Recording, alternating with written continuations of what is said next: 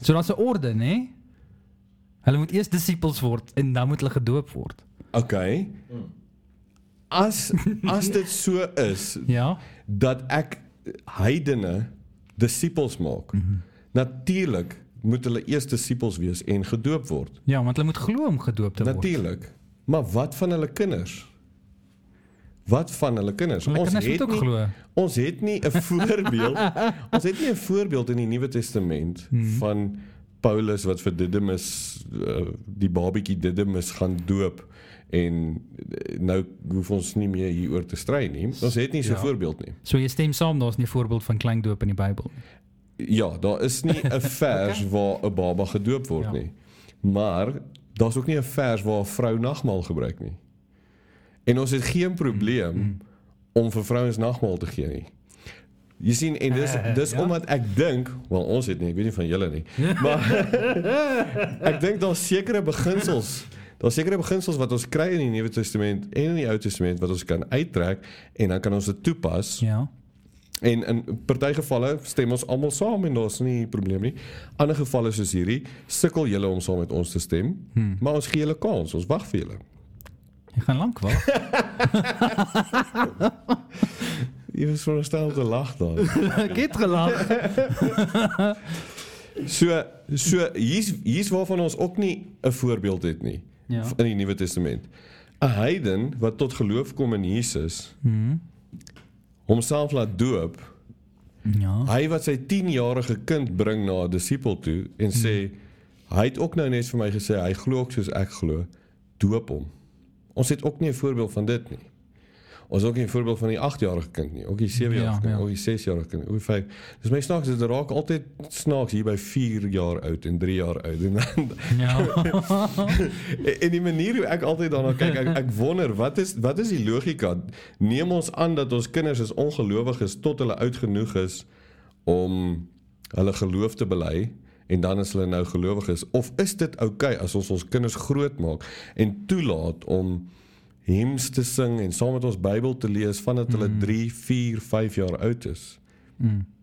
Ek meen hoe hoe hoe sal jy daaroor voel om om 'n ateïs aan te moedig om saam met jou te kom bid en Bybel te lees? Hierdie ou is 'n ateïs. Hy, Mhm. hy hy sê vir jou hy glo nie in God nie, hy glo nie in die Bybel en al daai goed nie. En jy sê vir hom, "Hey, maar kom bid gou saam met ons vir die kos en kom lees gou hierdie stuk uit die Bybel uit saam met my en kom sing hierdie hymn saam met Ja. my." Ek meen, ek glo nie jy sal dit doen nie. Nee. Kan Maar, ons uh, maar ek dink jy sal dit met jou kinders doen. kan ons 'n ateïse kind doop? Wel, dit is 'n baie goeie vraag want Paulus in die Nuwe Testament sê as 'n gelowige getroud is met 'n ongelowige, Ja. wat noem hy hulle kinders? Ja. Heilig. Heilig, ja. Ja. Okay. So ek stem saam met Paulus. Ek dink kinders is heilig. Mm. Dink jy nie ons moet heiliges doop nie? Uh die doop is 'n teken van jou geloof. Ja. Jesus Christus maak jou heilig deur sy bloed. So ons kan nie ons kan nie werk vir heiligheid of saligheid. Ek kan nie meer heilig word as wat ek nou is nie. I have the holiness of Christ. Ek glo dit. En Ja. uh, so of ek nou kans kry met my bekering om gedoop te word of nie, Hmm. ek bly heilig. Ja. So heiligheid maak is nie die kriteria hoekom ek gedoop moet word nie. Mm. Ek bly stem saam. Ek dink daai mm, was meer was meer uh, ek verstaan. ek dink ons moet heiliges doop. En as kinders heilig is dan doop ons hulle.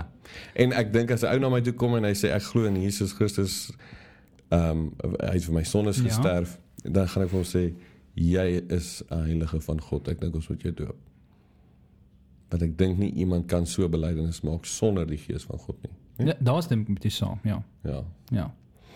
So, as jy nou getroud was met 'n vrou wat meer reg glo soos ek nou, nê, op ja. hierdie kwessie. ja. En sy swanger en so 3 maande voor die kind kom sê sy vir jou, hoor hierso, ehm um, uh ek wil net ietsie gaan uit begin kyk na kleertjies en goed vir as die kind gebore is, ehm um, dat ons die kind moet doop en so. Hmm. Wat wat Ek- doen jy en wat sê jy? Ehm um, ek sal dit eer want ek is lief vir my vrou. Ag nee, maar moet nou nie 'n nice ou wees nie. Ek maar ek sal vir ek dink dit is 'n baie sensitiewe onderwerp. En as hy sterk daaroor voel dan sal ek dit doen.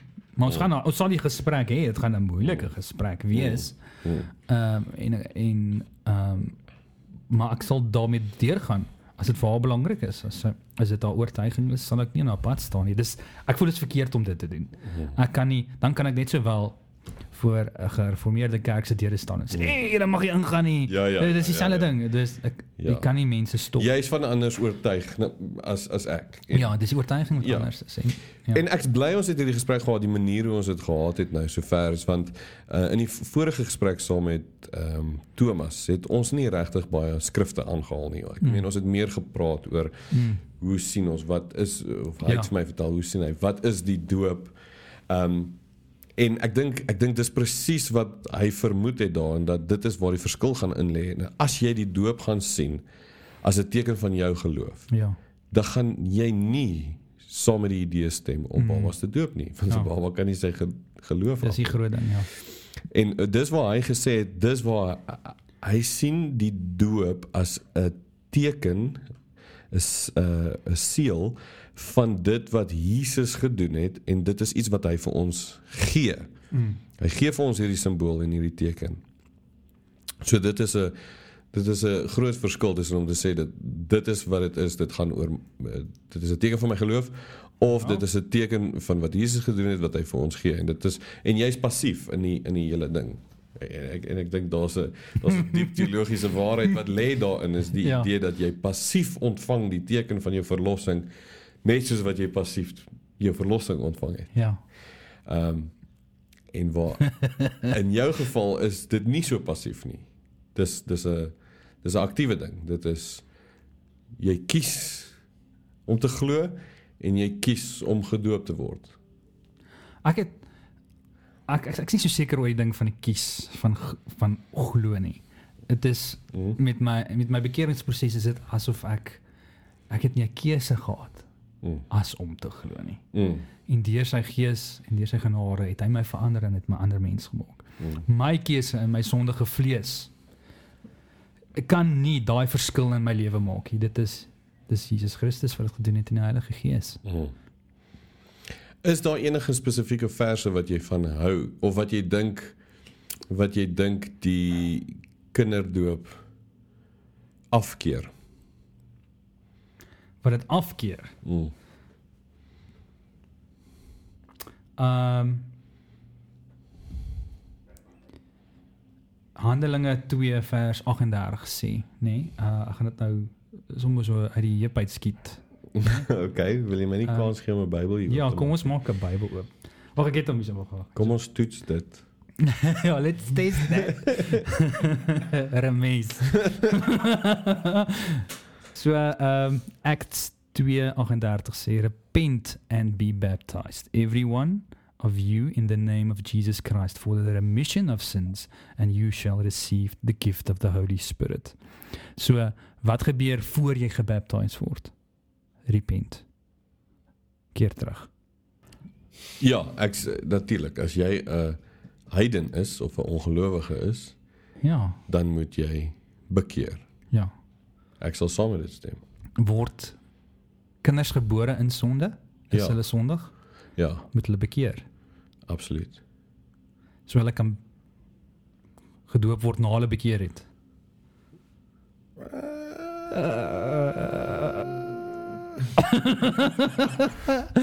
ek vra net dis 'n orde. nie- Ek lees dit in dis 'n orde wat ek hier lees. Okay. So ons praat nou saam. Hier Okay. staan repent and be baptized. Okay. En dit is die orde wat jy sien daar is dit ja, daar's daar's 'n orde van dit Jy- werk. jy Ek kan nie net gaan repent en dan moet jy gedoop word.